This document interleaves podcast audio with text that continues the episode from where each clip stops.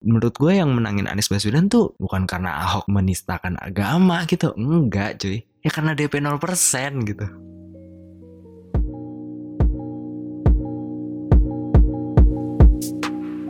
Yo, balik lagi di Pecah Podcastnya Manca. Apa kabar lo semua? Baik? Nggak baik? Yang nggak baik, minum obat. gitu. uh, balik lagi di Podcastnya Manca. Di episode berapa ya? Episode 5 ya? Ya, episode 5. Selamat datang buat yang baru dengerin. Uh, semoga ada pendengar baru. Dan saya ingin mengucapkan terima kasih kepada seluruh teman-teman saya yang rela setiap hari ada aja orang yang gue hubungin buat eh cuy cuy sharein podcast gue dong cuy oh, ya nggak mungkin kalau gue sendiri yang nge-share sampai segi, segini pendengarnya gitu. jadi gue mau terima kasih dan juga buat teman-teman podcaster Indonesia yang lain yang mendengarkan gitu yang ngomen yang like segala macam ya terima kasih banyak. Tanpa kalian aku bukan apa-apa. Cie gitu. Uh, ngomongin soal lo dan gue cie apa sih emang kita punya masalah cah enggak tau uh, maksud gue lo dan gue itu menurut gue lebih apa sih lo dan gue menurut gue nggak konsisten banget nih anaknya. Menurut gue lo dan gue itu adalah gambaran Betawi yang terlalu diekspos sama media. Karena di keluarga saya yang notabene-nya Betawi gitu itu ngomongnya lu gua gitu L U G U A gitu bukan lo gue. Jadi gua kadang-kadang suka kesel aja gitu kalau gua diceng-cengin kayak lo gue lo gue sama teman-teman gua. Kayak apa sih lu kebanyakan nonton sinetron lu? gitu. Ngomong-ngomong uh, eh, gue capek banget abis main basket Anjir kemarin main basket cuma 15 menit aja capeknya ngap-ngapan gitu. Gila kali. Dulu perasaan pas gue SMA tuh 4 quarter tuh sikat terus dah. Pengennya main 4 quarter malah. Tapi selalu nggak bisa. Ya kan diganti-gantiin apa segala macam tapi sekarang disuruh main 15 menit waktu bersih gila udah kayak orang mati gua. Mana aduh ternyata ya rambut gom gombrong rambut gondrong tuh nyebelin gitu. Nggak nyebelin sih maksud gua kayak berolahraga dengan rambut gondrong tuh nyusahin ternyata kayak lepeknya tuh nyebelin gitu banyak lah rambut gua kan lagi gondrong-gondrongnya nih Cie. Nih buat lo semua yang lo semua yang mau memanjangkan rambut nih, gue kasih tau ya lah. Buat cowok-cowok ya, cewek mah kalau udah panjang ya udah, cik gitu. Buat cowok-cowok yang mau manjangin rambut nih beberapa masalah yang gue hadapi dengan rambut seperti ini. Pertama nih, tadi tuh kalau misalnya olahraga itu kadang nyebelin lepeknya. Kedua itu kalau mandi ya itu kalau rambut gondrong tuh ternyata boros anduk tau gak sih lo? Gue kan males pakai anduk yang gede banget gitu, pengen yang kecil-kecil aja lah, ngapain ribet-ribet. Itu tuh udah basah duluan, maksudnya uh, bagian keringnya udah abis duluan sama buat rambut gue doang gitu. Ih sebel banget gue. Terus masalah yang gue temuin apalagi, oh ini, kalau misalnya mau pergi lo nggak bisa cepet-cepet. Karena lo mesti ngeringin rambut lo dulu. Nggak tahu sih gue sih paling males terlihat rambut gue sangat lepek gitu. Gue pernah jadi beberapa hari yang lalu gue mau pergi sama teman gue tanyain ayo cah udah udah siap belum? Sabar sabar sabar. Ngapain sih lo lama banget. Ini gue ngeringin rambut. Alah kampret tapi ya ya gimana dong gitu gue nggak punya hair dryer. Ya udah kan dikeri, dikeringin dengan cara alam aja. Terus uh, masalah terakhir yang masalah terakhir nggak yang gue rasain itu gue kan males orangnya apalagi bersih bersihin kamar gitu. Ya ketahuan joroknya. Nggak sih maksud gue rambut gondrong tuh ini banget apa nggak tahu sih rambut gue rontok lah gitu nyebelin banget jadi mesti sering nyapu nyapu kosan apa itu mager banget sih. Ya sekalian udah kayak gitu aja lah buat guys ya ngomongin rambut aja nggak deng ya gue mau promo dulu lah uh, gue mau promo acara kampus gue namanya Festagama, Festival Kota Gajah Mada. Yo, udah kayak itu adlib adlib radio gitu. Adlib gak sih namanya? Gak tau lah. Uh, jadi ini acaranya uh, rangkaian acara gitu ada tiga acara. Pertama ada lomba, uh, lombanya ya yang mungkin bisa lo ikutin yang fotografi, fotografi gitu tentang perkotaan. Ya lumayan lah ikutan aja ada hadiahnya. Uh, gua denger denger sih feed Instagram lo rapi gitu. muka lo rapi nggak? Ya, feed Instagram rapi, muka berantakan. muka dulu baru muka nasib eh nasib dulu muka dulu ya ya gitulah pokoknya lah ini apa sih ngajak orang apa ngata-ngatain orang uh, terus yang kedua tuh namanya rembuk warga ini tuh semacam uh, diskusi forum gitu ada beberapa panel ada sembilan panel. Ada tentang transportasi ada tentang uh, aktivisme perkotaan ada tentang teknologi di dalam perkotaan di dalam bangunan gitu. Ada tentang uh, ketangguhan kota ada tentang uh, ruang-ruang alternatif. Pokoknya banyak lah yang jelas. Nah buat lo yang di Jogja ataupun ya dari seluruh Indonesia yang mau datang bisa datang tuh acaranya di Rembuk Warga. Karena menarik dan ya kita ngomongin kota kan nggak nggak terlalu sebenarnya enteng tau sumpah. Karena ya lo hidup di kota ya nggak mesti di kota juga sih hidup di desa apa. Ya we talk about our lives gitu. Kayak kita ngomongin kehidupan kita sendiri makanya nggak nggak ini nggak nggak berat-berat banget makanya. Sama kayak podcast ini sebenarnya nggak berat-berat banget kan? Cik gitu.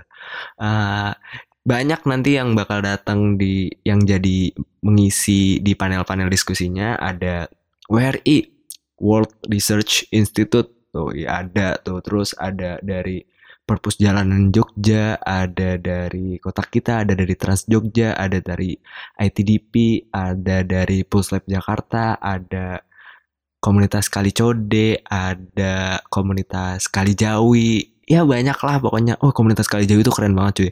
Jadi itu uh, ibu-ibu. Ini ibu-ibu paling keren sedunia menurut gue daripada ibu-ibu yang sen kiri tapi belah kanan. Nggak tahu ibu-ibu kali jawi kayak gitu nggak ya? Ah beramat pokoknya uh, ibu-ibu kali jawi ini paguyuban kali jawi ini isinya ibu-ibu gitu yang uh, concern tentang pembangunan di kampungnya di Jogja itu tuh jadi dia bikin komunitas yang ya mengadvokasikan hak-haknya mereka terus juga bikin perencanaan tentang kampungnya keren banget lah ibu-ibu kayak gitu kalian wanita-wanita harus menjadi ibu-ibu seperti itu. Iya, nyuruh-nyuruh lo sak lo siapa cah? Uh, itu tadi ada rapat warga, terus uh, rapat warga, uh, rembuk warga nama acaranya. Tadi ada lomba ada rembuk warga. Terus yang terakhir, rangkaian terakhir tuh namanya uh, tayuban warga. Tayuban warga ini tayuban itu dari kata ditoto guyup. Itu tuh dari zaman Singosari menjadi ini filosofis ya.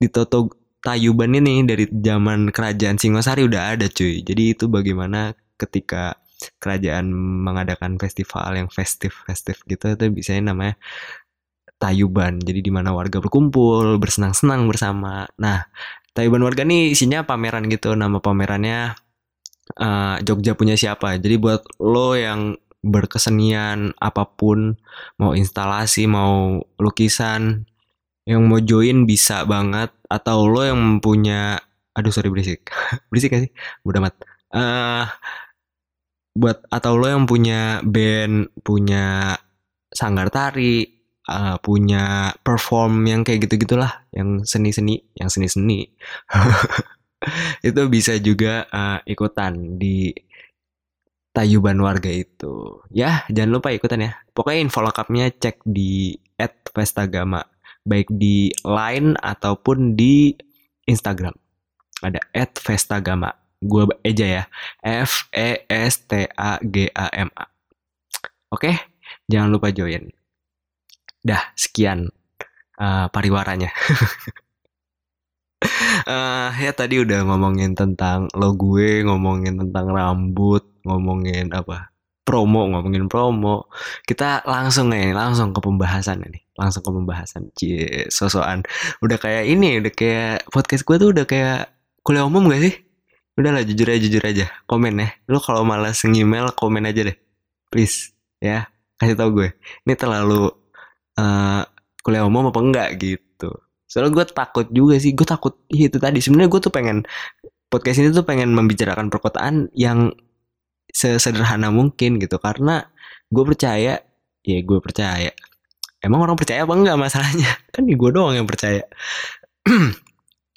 uh, eh, gue percaya kalau kota itu tuh apa ya penemuan paling besar manusia sih menurut gue ya karena temuan-temuan lainnya tuh turunan dari itu paham gak sih kayak ya kenapa ada Gojek ya? Karena Jakarta macet gitu. Emang Jakarta doang yang macet. Ya maksud gue kayak gitu. Terus kayak kenapa akhirnya ada transportasi publik ya? Karena macet apa segala macam. Ya kota, menurut gue sih kota penemuan paling besar dari human civilization.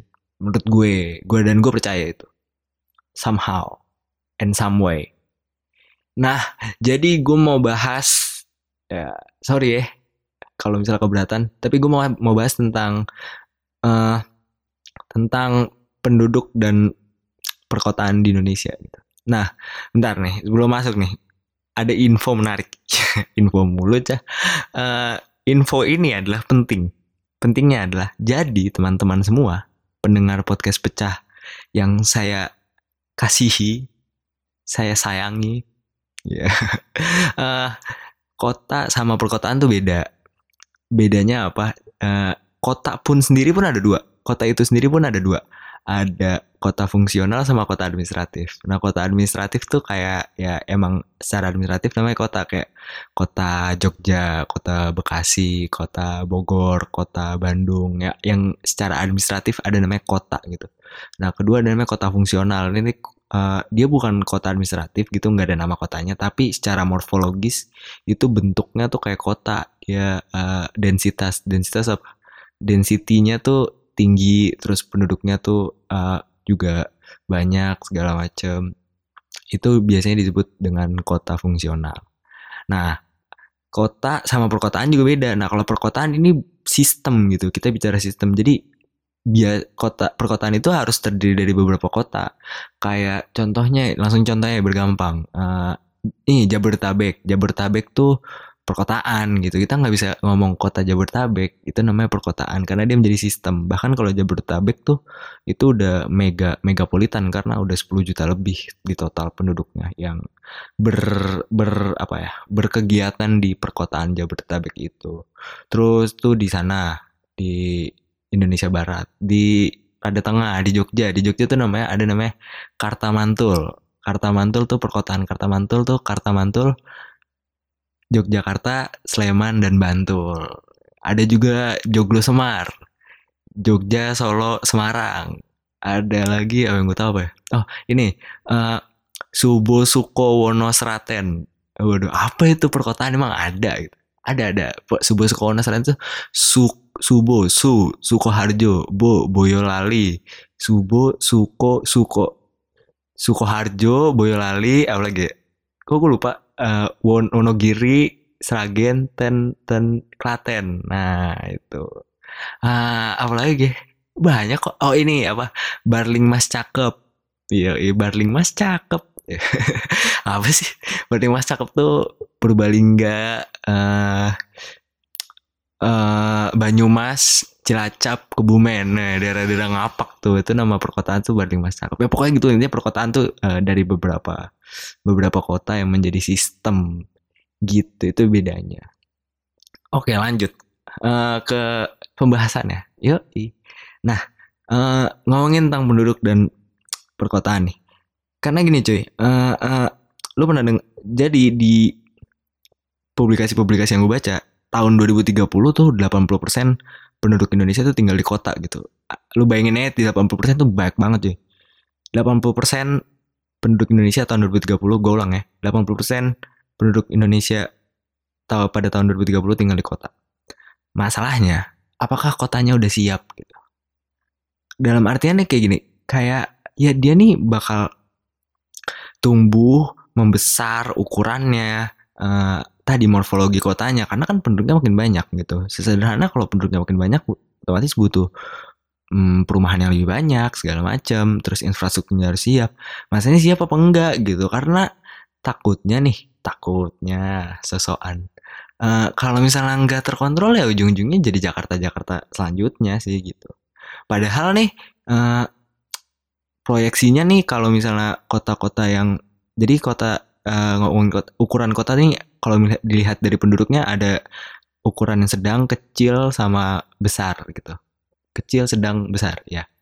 Nah, kalau diproyeksikan nih kota-kota yang sedang ini, kota sedang tuh berapa ya? Uh, dua ratus ribu sampai satu juta apa satu setengah juta lupa gue jumlah penduduknya. Pokoknya kota yang sedang ini diproyeksikan tuh dia bakal bisa menyumbang GDP 39% kalau nggak salah apa atau 40% ya pokoknya intinya 40% dari GDP Indonesia which is tuh gede banget cuy hampir setengahnya padahal Jakarta aja yang dibilangnya menjadi pusat uh, ekonomi Indonesia itu cuma menyumbang 19% gitu berarti kan ini ada ada ada potensi dia benar-benar menjadi ya kota yang sangat berguna gitu bagi perekonomian gitu. Ya kalau nggak siap ya ya mau kayak gimana bakal hancur lagi kan. Bakal hancur lagi dalam artian ya kayak tadi gitu entah kotanya nggak livable, ditinggalin yang nggak enak, eh, macet, terus sepaneng, ya kayak gitulah. Ya nggak? Ya mesti hati-hati kan. Masalahnya tuh oke deh, coba dilihat dari infrastruktur gitu gini gini uh, di Indonesia itu nih zaman dulu nih kalau kita ngomongin infrastruktur ya uh, penyediaan infrastruktur kayak kan tadi karena penduduk makin banyak salah satunya butuh infrastruktur infrastruktur kan bisa banyak bisa bisa banyak bisa jalan bisa uh, flyover uh, bisa transportasi publik segala macam nah di Indonesia ini tahun-tahun masih orde baru gitu tahun 95 Iya sekitar gitu lah. Pokoknya masih zaman zamannya Soeharto. Itu tuh spending dari ini lihatnya Indonesia nasional ya. Spending buat infrastrukturnya tuh sampai hampir 10% cuy. Dari uh, APB APBN dari eh dari APBN atau dari pendapatan? Pokoknya 9 uh, dari pendapatan dari PDB ya dari PDB uh, eh, itu uh, 10% hampir 10% which is itu gede banget. Karena asal lo tahu sekarang itu tahun 2009 itu bahkan itu cuma 3,9 persen gitu. Tahun tahun 2005 tuh masih 3 komaan mungkin sekarang 4 sampai 5 persen maksud gue ya ya wajar gitu zamannya Soeharto dibilang bapak pembangunan Indonesia apa sih nyanyi ya karena ya itu dia emang spendingnya gede banget di di masanya dia gitu. Kalau sekarang, ya lah 3% infrastruktur bisa bikin apa sih? Hah? Belum lagi nih kalau zaman sekarang nih lo lihat nih, misalnya ngomongin APBN. APBN Indonesia tuh udah udah ada ininya, udah ada uh, uh, pembagiannya kayak misalnya 20% buat pendidikan. Itu wajib. Terus 10% kalau nggak salah. Iya, 10% itu buat uh, buat kesehatan. Udah 30% tuh. Terus uh, spending yang rutin kayak gaji, terus penda uh, jasa barang apa segala macam itu tuh bisa sampai 45% gitu. Kita kata kata kata katakanlah 45 persen ya. 45 persen tambah tadi 20 sama 10 30. 75 persen cuy. 75 persen tuh udah habis gitu sama yang wajib. Sisanya 25 persen. Itu pun masih ada perat ada yang harus harus yang harus digunakan gitu maksudnya udah ada udah ada slot-slotnya masing-masing jadi emang infrastruktur tuh ya di Indonesia masalahnya tuh di pembiayaan sebenarnya bukan emang sih emang nggak ada emang nggak ada duitnya gitu. Lo mau mau beli rumah nggak ada duitnya. Kasarannya kayak gitu. Ya bayangin aja kayak tadi lah. Kondisinya kayak gitu enggak di nasional enggak di daerah gitu. Ya apalagi di daerah lah. Maksudnya daerah kan dapat duit dari mana? Dari dari pusat kan gitu. Belum lagi ya ya gimana sih? Lu tahu sendiri lah gitu lah nggak ngomongin itu karena uh, ya tadi terus uh, apa infrastrukturnya infrastrukturnya kan jadi jadi sedikit kan gitu. Eh, infrastrukturnya jadi sedikit. Uh, dana yang tersedia untuk pembangunan infrastruktur infrastrukturnya tuh nggak nggak nggak begitu banyak itu ya sebenarnya yang jadi menurut gue permasalahan besar bangsa Indonesia. Dan yang jadi masalah lagi, ya kalau misalnya sekarang gini, lo butuh, misalnya lo butuh, lo nggak punya duit sama sekali nih, lo butuh makan, paling nggak lo minjem teman lo lah buat makan sekali gitu sampai orang tua lo ngirimin duit, misalnya gitu gak sih? Nah Indonesia juga kayak gitu konteksnya, nggak punya duit buat infrastruktur tapi butuh, ya mau nggak mau minjem, yang jadi masalah kan ih minjem dari luar negeri. Lah gila nih gue bantuin Sri Mulyani banget. Padahal kan padahal kan ya pinjaman Indonesia tuh kalau nggak salah 70 persen 75 persen apa berapa gitu. Itu tuh minjemnya dari orang dalam negeri gitu. Jadi bisa dibilang cukup stabil cuy. Jadi sans aja. Jadi sebenarnya karena ya itu tadi sekarang gue butuh tapi nggak punya duit. Ya minjem dulu gitu. Yang penting diputar lagi kan duitnya buat hal-hal produktif gitu. Nah terus, kak udah nih ngomongin infrastruktur. Kalau misalnya emang Indonesia butuhnya berapa sih buat infrastruktur gitu. Nah dari publikasi yang gue baca-baca nih, sampai tahun 2030 Indonesia tuh butuh 1,16 triliun US dollar cuy. 1,16 triliun US dollar tuh itu kalau dibeliin cendol tuh GBK penuh gak sih? Penuh sih gue yakin. 1,16 triliun US dollar. Nah, masalahnya pemerintah kita cuma bisa menyediakan sekitar 441 US dollar gitu. 441 miliar US dollar gitu. Jadi masih ada gap 600 sekian gitu lah. Yang jadi itu yang jadi masalah. Jadi kita butuh tapi kita punya duit. Mau gimana nih, mau gimana, minjem ke mana, minjem ke mana, minjem ke mana gitu. Padahal ya tadi pertumbuhan urbanisasi ke kota semakin tinggi berarti membutuhkan infrastruktur yang memadai tapi kita punya duit. Yakin gak sih? Gue jadi penasaran gitu jadi maksudnya jadi penasaran dan mempertanyakan gitu apakah uh, nanti tuh ketika Indonesia emas yang dibilang Indonesia emas Indonesia emas itu 2045 itu tuh Indonesia tuh beneran emas apa emas apa nih? Emas emas beneran apa emas tai gitu habis ya ya keadaannya kayak gitu gitu loh nggak tahu lah gue gimana ya gue penasaran masa lagian kalau misalnya eh tadi kan gue bilang uh, gue bilang nggak bukan gue sih yang bilang dari banyak publikasi tahun 2030 80% penduduk Indonesia tinggal di kota. Itu kalau keadaannya kayak gitu tuh Indonesia tuh masih dibilang negara agraris bukan ya? Eh, pertanyaannya kayak gitu. Gue nggak tahu sih. Coba deh coba yang punya jawabannya coba-coba di komen. Lo siapa tahu males email kan komen aja, komen aja. Menurut lo kalau tahun nanti penduduk Indonesia udah 80% penduduknya yang tinggal di kota gitu atau perkotaan, itu Indonesia masih dibilang negara agraris apa enggak gitu. Alasannya apa? Nanti yang menjawab jawaban terbaik mendapatkan pulsa 5000. aduh, aduh. Ya, uh, apa sih? Uh, Oke, okay, serius lagi, serius lagi. Uh, tadi kan penduduknya makin banyak. Masalahnya juga kan penduduk makin banyak tanah nih masalah tanah ya Allah masalah tanah nih juga gila sih menurut gua masalah tanah tuh menurut gua masalah mendasar dan gue juga bingung gitu melihatnya gimana. Karena di Indonesia kan tanah hak milik ya, maksudnya lo bisa memiliki tanah gitu. Tapi ada juga peraturan yang bilang kalau untuk kepentingan umum tanah lo boleh dikasih gitu lah. Kan tanah gue buat terserah gue lah gitu. Bodo amat emang kepentingan umum? Buat gue kepentingan umum enggak? Ya kan? Itu itu sih yang bikin maksudnya uh, kalau ngomongin tanah uh, salah satu implikasi eh, implikasi dampak maksudnya. Dampaknya tuh bisa ke masalah pemukiman pemukiman. Ini yang yang menurut gue kronis. Pemukiman karena ya harga tanah tuh yang yang yang benar-benar nggak bisa diprediksi kan di Indonesia tanah itu diliberalisasi. Beda ya liberalisasi sama liberal. Liberalisasi itu berarti ya harga tanah dilepas ke pasar gitu gimana? Ya udah deal dealannya berapa ya gitu tanah yang strategis pasti harganya lebih gokil gitu yang dianggap strategis dibandingkan yang dianggap tidak strategis gitu.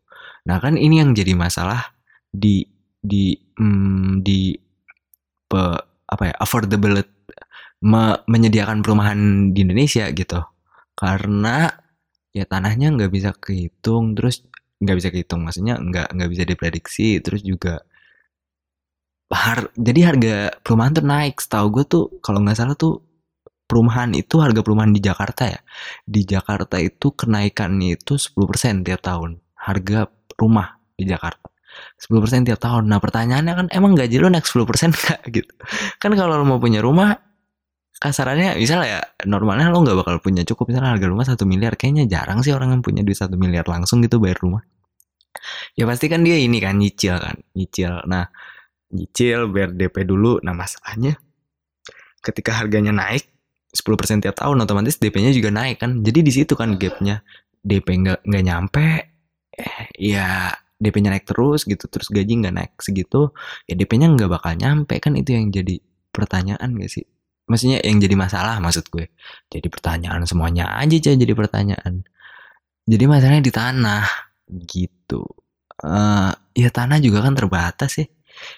Terbatas dan tadi harganya juga dibebasin ke pasar jadinya semrawut kalau di Singapura itu itu tuh rumah tuh disediain sama pemerintah jadi nggak ada tuh orang bikin rumah sendiri maksudnya ya either swasta ataupun pemerintah gitu. Kalau di Singapura namanya URA kalau nggak salah.